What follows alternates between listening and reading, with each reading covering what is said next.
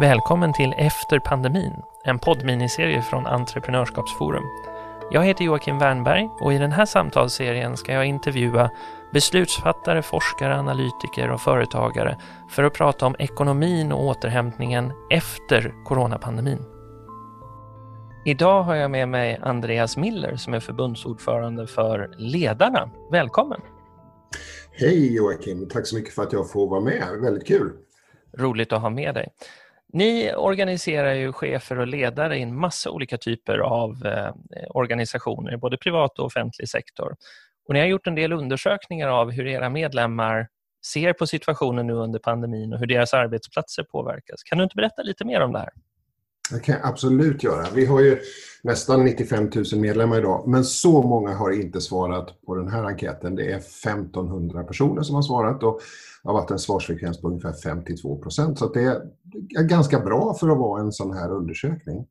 Om man tittar på pandemikrisen så skulle jag ändå vilja börja i två bilder som växer fram i den här rapporten. Mm. Och den första bilden är ju faktiskt ganska positiv, vilket förvånade mig lite grann ska jag säga. För att eh, det är bara en av fem chefer i, i den här rapporten som tror att deras verksamhet kommer minska på sikt. Eh, och till och med en av fem tror att de kommer anställa på ganska kort sikt. Och det är ju, är ju så att säga en, en, en bild som vi kanske inte ser i rapporteringen. och det är inte så konstigt. Man fokuserar förstås på de saker där det är problem. Men, och tre av fyra i den här undersökningen tror att det kommer gå bra för deras företag. Och åtta av tio anser att de har kompetens för att klara förändringen som coronakrisen innebär. Eh, och eh, det här är ju så att säga en en ganska positiv bild. Det som också man ger uttryck för är att, att de här in, förändringarna som införts under pandemin har bidragit positivt till digitaliseringsarbetet. Och det kan mm. vi komma tillbaks till lite grann, tänker jag, senare i det här samtalet om hur det har ja, hur det, hur, vad vi tänker om framtiden och kring det. Mm. Och sen tycker jag också att det finns en del i den här rapporten av positiv karaktär och det är att faktiskt 6 av 10 chefer upplever att de får stöd av sina chefskollegor. För det är ju någonting som chefer behöver i, i en sån här situation, att faktiskt kunna bolla med en kollega. Och i och för sig, 4 av 10 uttrycker inte lika mycket att de får det, så man skulle önska att de också hade det. Men det finns ändå en positiv man stödjer varandra som chefer i en svår situation. Det är en viktig bild du ger tror jag, att man bara för att krisen är omfattande så tänker man sig att alla påverkas på samma sätt. Och Det är lätt att få det intrycket om man tittar på det uppifrån. Men ta en sån mm. sak som matleveranser eller Mathem eller eh, liknande företag så går ju de tvärtom väsentligt bättre än vad de hade kunnat föreställa sig i en sån här period. Men finns det en skillnad här också mellan offentlig och privat sektor? För ni organiserar ju medlemmar i båda. Det gör det naturligtvis. Eh, det finns ju en stor skillnad där. Om man, tittar, man går lite djupare ner i det här materialet så ser man ju att varsel och korttidspermitteringar och så har slagit mycket hårdare inom den privata sektorn än inom den offentliga sektorn. Mm. Eh, och där finns ju en tydlig skillnad. Eh, så att, så att man kan säga så här att i ekonomin har ju pandemikrisen slagit väldigt, väldigt olika. Och när du tar handeln, vi har ju chefer inom handeln och jag pratade med Johan Widekorp som är vår branschföreningsordförande inom handeln och han sa ju det att han förestår en Coop-butik i Ängelholm och han har ju aldrig haft så mycket att göra som han har gjort, jobbat med den här, under den här pandemikrisen. Just det. Eh, medan då i andra delar av handeln där jag har pratat med chefer där, ja, sällanvaruhandeln, där ju butikerna i princip slår igen för att det mm. finns ingen försäljning. Men sen ser vi också en enorm förflyttning förstås in i e-handeln. Eh, också inom handelsområdet, som ett exempel. Men om man, om man ser den här positiva bilden så ska man säga att den här undersökningen ger inte bara det. Den ger ju också förstås en bild av en väldigt tuff situation för många chefer. Det är en stor utmaning eh, att hantera medarbetares stress och oro. Det är ganska många som lyfter det faktiskt också i samtal med mig.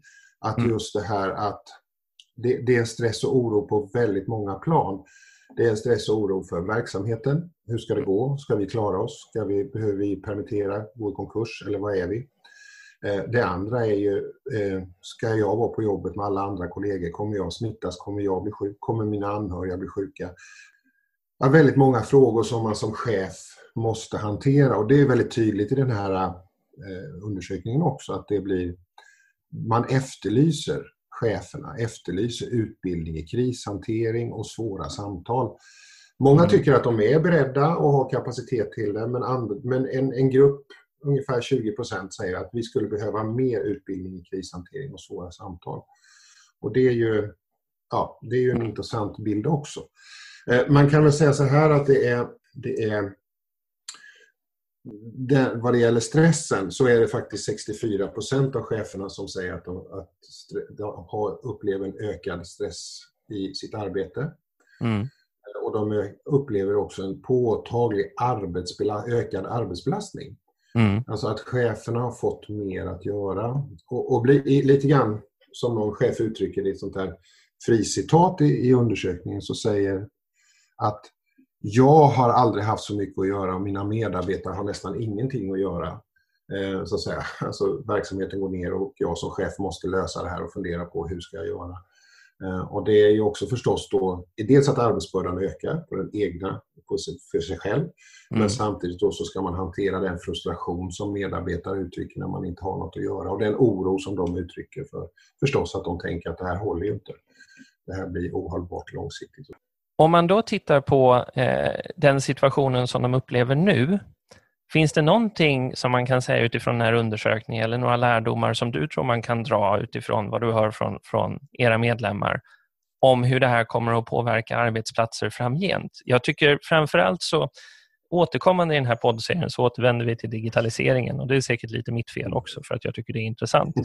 Men eh, jag går och funderar på ett uttalande jag har hört eh, som är att nu har vi digitaliserat på tio dagar vad vi trodde skulle ta tio år. Eh, och Jag ställer mig lite tveksam till det där för jag tänker att det har inte blivit enklare att digitalisera. Möjligtvis så har förutsättningarna förändrats för att prova på saker. Men hur ser då chefer, som kommer vara de som faktiskt skulle behöva rulla ut förändringen inne på arbetsplatserna, hur ser chefernas inställning till digitalisering och förändrade arbetssätt ut? Cheferna är ju i den här undersökningen som vi har gjort väldigt positiva skulle jag säga. Det är ju eh, när man, när, säga, förändringar som har införts under pandemin har bidragit positivt till digitaliseringsarbetet. Det är 61 procent av cheferna som uttrycker det. Mm. Och det är nästan hälften av cheferna som säger att eh, deras inställning till digitalisering har förändrats till det bättre under pandemin. Alltså man har fått mm. en och man har fått en mycket positivare hållning till det här helt enkelt.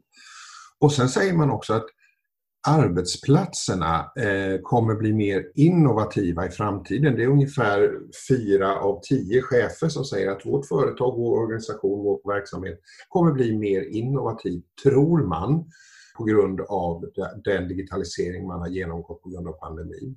Grovhugget här då så säger du att ungefär hälften av de svarande, skulle vi då eh, skala upp det här, om hälften av, av alla chefer i privat och offentlig mm. sektor mm.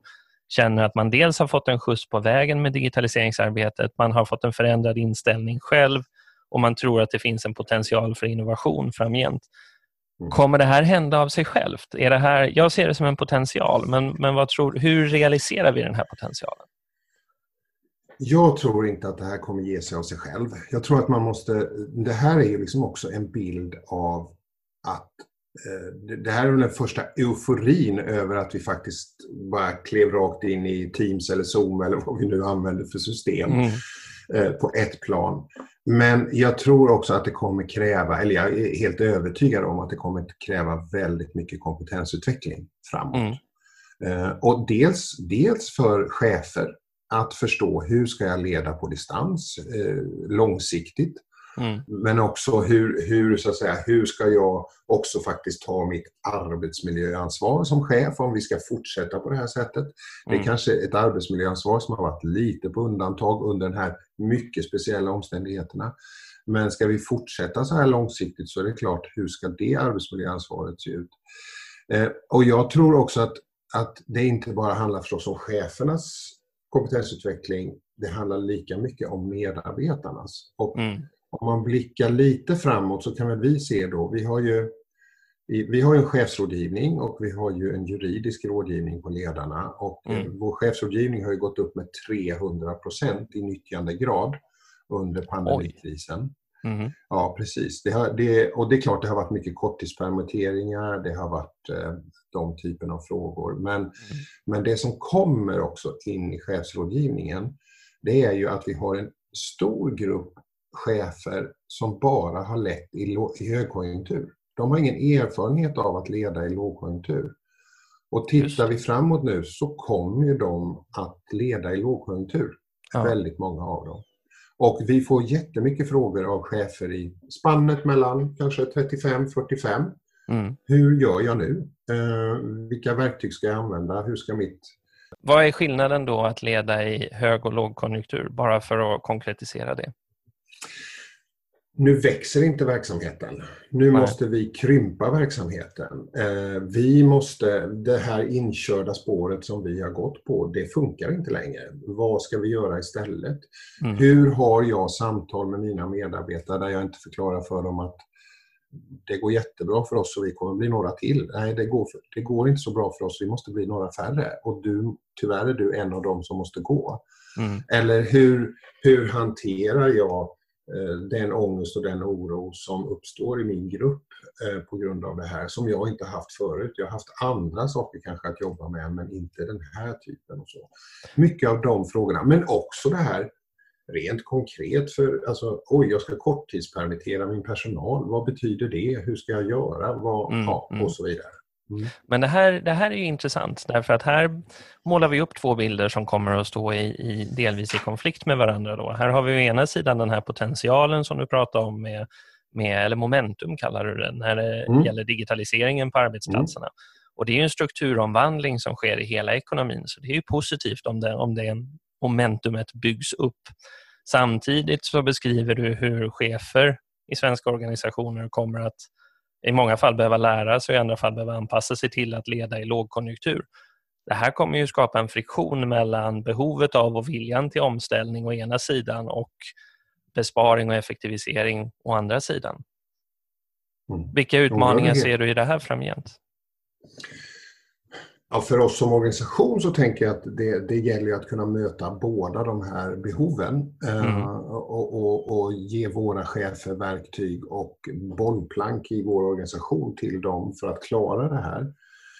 Men det jag ser också är ju att företag, om jag sätter citattecken runt det, men ändå utnyttjar situationen för att göra det de kanske tycker att de borde ha gjort för länge sedan. Det vill mm. säga ett stort kompetensskifte. Eh, och eh, där kan ju jag se att om jag blickar lite in i hösten så vet ju de som följer nyhetsrapporteringen vet ju att LO, PTK och Svenskt Näringsliv sitter i förhandlingar mm. eh, om eh, eh så att säga ett, ett nytt kollektivavtal eller ett nytt avtal för hur vi ska faktiskt klara av att ställa om och göra det i trygga, i, i, i, trygga former, så att säga.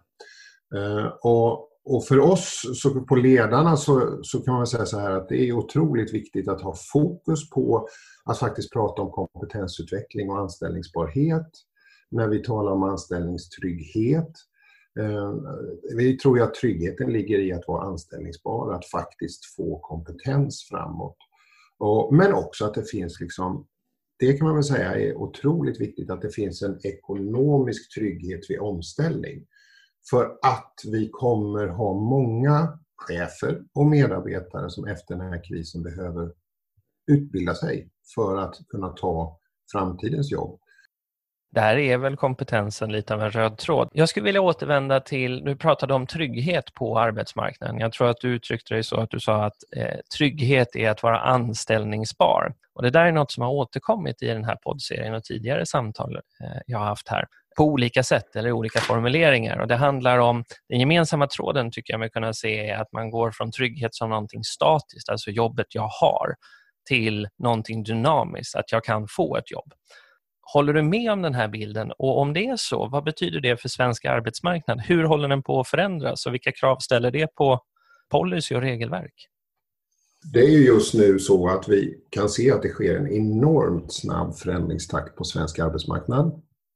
Det utmanar både arbetsgivare och arbetstagare att kunna hänga med i konkurrensen. Och i höst så går vi ju in i förhandlingar mellan PTK, alltså de privata tjänstemännen, och LO och Svenskt Näringsliv för en utökad anställningstrygghet eh, som mm. ju är rubriken på den förhandlingen. I alla fall från vår horisont, från PTKs horisont. Mm. Och jag menar så här att för, för ledarna som organisation så kan vi se att det är otroligt viktigt för eh, våra medlemmar att faktiskt få möjlighet att ta del av kompetensutveckling mm. eh, under sin karriär. Eh, och att man faktiskt med det blir anställningsbar och också har möjlighet att röra på sig. Mm. Eh, men det är också lika viktigt för våra medlemmar, det är att det finns en ekonomisk trygghet vid omställning. Mm. Det vill säga när jag måste söka mig ett nytt jobb eller göra, ta mig an en ny uppgift så ska jag ha möjlighet att utbilda mig, att kompetensutveckla mig. Mm. Och där menar ju vi att där är ju både arbetsgivare, fack och stat tre viktiga spelare i detta, att få detta att fungera. Och det är ju det den här förhandlingen kommer handla om just. Hur ska den här balansen mellan faktiskt att vi behöver ställa om företag och organisationer snabbt samtidigt som den enskilda individen ska uppleva att det finns en trygghet för mig och en ram för mig att faktiskt vara med i den här omställningen eller gå in i en, i en ny verksamhet någon annanstans. Och det är ju den där balansen som vi ska förhandla om och hitta en bra lösning på. Och hur tror du, om eh, jag ska inte eh, hålla dig till, till eh, dina spekulationer, men hur tror du att arbetsmarknaden då kommer se ut om man skulle blicka efter pandemin är ju ett diffust begrepp, men, men låt oss säga fem år in i framtiden. Vad kommer vi behöva ha genomfört för policyåtgärder för att få den här delvis förflyttningen i alla fall som du beskriver då, från en statisk till en dynamisk trygghet? Vad behöver vi göra för att få den typen av kompetens kompetensförsörjningsmöjligheter eller kompetensutvecklings eller kompetensomställningsmöjligheter? Ja, det är ju att vi behöver skapa en, vi behöver skapa en, en bra ram. Vi behöver nog, ut, eller jag tycker att vi behöver utveckla Trygghetsrådet, som det heter på tjänstemannasidan. Mm. Helt enkelt där folk känner att det finns en möjlighet att gå in. Men vi behöver också få företagen att tänka så att säga mer kring kompetensutveckling än vad man gör idag. Om jag tar ett steg tillbaka och försöker sätta ihop det vi har pratat om lite grann så har vi å ena sidan beskrivit en potential eller ett momentum i att många chefer ser en potential i, i digitaliseringen helt enkelt. Och du sa att fyra av tio chefer tror att deras arbetsplatser kommer bli mer innovativa i framtiden. Å andra sidan så ska de då leda en framtid som präglas av en lågkonjunktur, eh, vilket kommer att bli en utmaning på många sätt, framförallt om man då vill bli mer innovativ med stramare medel. Eh, Kompetensutveckling kan ju ses som en lösning på det här, att vi måste lägga till kompetensutveckling för att få det här att gå ihop. Men tror du inte också att man på arbetsplatserna genom att realisera den här innovationsförmågan kan få kompetensutveckling inifrån? Eh, jag tänker till exempel på, du nämnde eh, arbetsmiljöregleringar. Om vi tittar på alla de här regelverken som är lite satta på paus nu när jättemånga jobbar på distans de kommer ju börja verka igen när vi kommer tillbaka. Kan vi genom att se över den här typen av regelverk och se hur vi behöver anpassa dem, kan vi öka kompetensutvecklingen genom att öka innovationen på arbetsplatserna? En lång fråga, förlåt. Ja, det var, det var en lång fråga, men, men jag, om, om man skulle bena ut den lite så tror jag, jag tror jag absolut att det är så här att när vi ser den här undersökningen att många chefer säger att eh, man blir öppnare för innovation för man har upplevt den här snabba förändringen i pandemikrisen. Mm. Så är det klart att det kommer vara ett, en möjlighet att faktiskt kompetensutveckla sig, att testa nya saker, att våga mm. faktiskt göra de här sakerna som kanske inte fullt ut funkar men som faktiskt kommer visa sig vara väldigt bra, eller tvärtom. Mm. Så det är klart att där finns det ju en enorm potential där man inte behöver gå utanför och kanske inte heller kostar pengar på det sättet. Att man kan göra det inom företagets ram. Mm. Sen tror jag så här, du har helt rätt att arbetsmiljölagstiftningen eh, ska ju egentligen inte hamna på undantag, men den har ju gjort det på ett sätt så att säga vad det gäller Ja, jag kan bara gå till mig själv. Inte har jag suttit särskilt ergonomiskt de här månaderna hemma. Eh, och, och, eh, Det är många som så att säga, har fått bygga sitt eget hemmakontor under mm. de här mycket speciella omständigheterna. Om man som chef inte har haft koll på det. Men det är klart att ska vi fortsätta distansarbeta i en större omfattning som också den här undersökningen pekar på att cheferna tror ju att det kommer bli så. Eh, mm. Så är det klart att då måste vi ju också fundera på hur arbetsmiljöansvaret ska tas och hur det ska se ut och så. Jag tror ju inte att arbetsmiljöansvaret behöver vara ett hinder för innovation. Arbetsmiljöansvaret är ju egentligen är otroligt viktigt. Men det som, är, det, som, det som framkommer i vår undersökning det är ju att en av fem chefer säger att de inte fullt ut kan ta arbetsmiljöansvar därför att de inte har rätt förutsättningar att göra det. Och flyttar vi in oss i offentlig sektor så är det en av fyra chefer som säger att de inte har förutsättningar att ta fullt ut arbetsmiljöansvar. Och då, då är vi inte bara inne på ergonomi hemma på hemmakontoren. Utan det vet vi att det handlar mycket om också faktiskt arbetsmiljöansvaret i äldreomsorg, inom mm. sjukvård och, och, där, där ju faktiskt det en påtagligare kanske faktiskt har handlat om liv och död. Och mm. där menar ju vi att från ledarnas sida att cheferna måste ha rätt förutsättningar för att ta arbetsmiljöansvaret. Vi kan ju tyvärr se i efterbörden av pandemin här så så är det ju många som vill stämma cheferna för att man inte har fullföljt sitt arbetsmiljöansvar. Och vi menar ju så här att cheferna har inte haft möjlighet att göra det därför att förutsättningarna har inte funnits på plats. Eh, och, och, det tror jag är en stor fråga som vi eh, kommer att få diskutera framåt. Hur ger vi faktiskt chefer eh, förutsättningar för att uppfylla arbetsmiljöansvaret?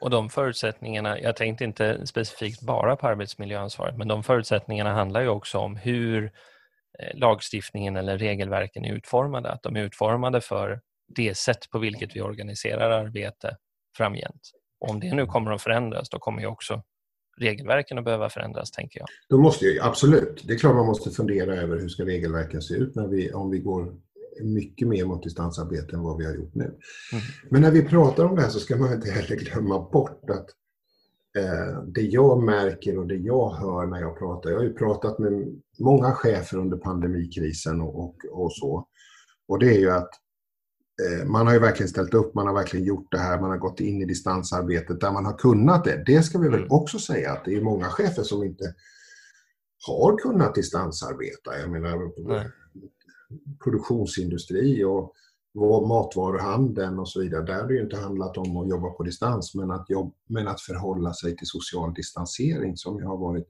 ganska tufft många gånger. Mm. Men, men, men det, det, som, det som jag upplever och som jag märker är ju att det finns en enormt sug på att få träffas. alltså att mm. faktiskt ha fysiska möten igen. Så det, är väl lite, det ska bli jätteintressant att se vad som händer, vad som blir kvar av det här potentialen Precis. som vi ändå har pratat om i den här podden.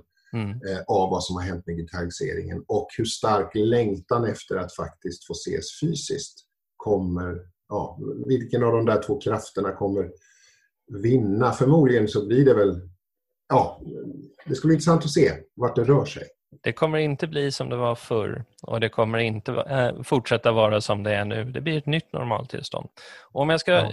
summera dig lite grann så har vi ju dels då pratat om eh, att det är en stor skillnad mellan olika arbetsplatser eh, under pandemins lopp, hur man påverkas nu på kort sikt. Det är skillnad mellan privat och offentlig sektor men det är också stor skillnad mellan olika delar av ekonomin. Och Det där är lätt att glömma bort. Och Det tycker jag är bra att du tar upp. Eh, för det är lätt att få bilden av att antingen så går det dåligt för alla eller så går det bra för alla. Det betyder också att åtgärder på kort sikt, eh, där finns det liksom ingen, ingen universallösning som passar alla utan det här kommer att bli en ganska komplicerad återhämtning. Eh, men du pekar ju på två intressanta aspekter som jag tror är gemensamma för många och det ena är då en potential att ta tillvara på det här experimentet som det här har inneburit och framförallt kanske den digitala omställningen. Att man har sett möjligheterna, man ser förutsättningar för innovation, man kanske har fått en mer positiv inställning som chef till hur man kan använda de här verktygen. Eh, men samtidigt som de då ska hitta det här nya normaltillståndet ska de börja leda i lågkonjunktur. Och nyckeln till allt det här är att vi får kompetensförsörjningen att fungera, inte bara för cheferna utan också för personalen. Och det i sin tur kommer att vara beroende av hur vi ser en mer dynamisk arbetsmarknad framgent. Tycker du jag lyckas fånga den röda tråden på ett ungefär? Jag tycker det var en väldigt bra sammanfattning av den här podden. Se där. Men då kanske vi nöjer oss så. Tack för ja, att du var med. Stort tack. Ja, tack själv. Tack för att du lyssnat på det här avsnittet av Efter pandemin som är en poddminiserie från Entreprenörskapsforum. Det här är en del av ett större projekt vi gör och på vår hemsida hittar du en särskild undersida som heter just Efter pandemin. Där finns det bland annat en utlysning för att samla in policyförslag från forskare men också från folk som kan det politiska hantverket eller företagare som ser hur politiken spelar ut i praktiken. Du hittar riktlinjerna för hur man skickar in ett policyförslag och du hittar också alla andra poddar i den här serien.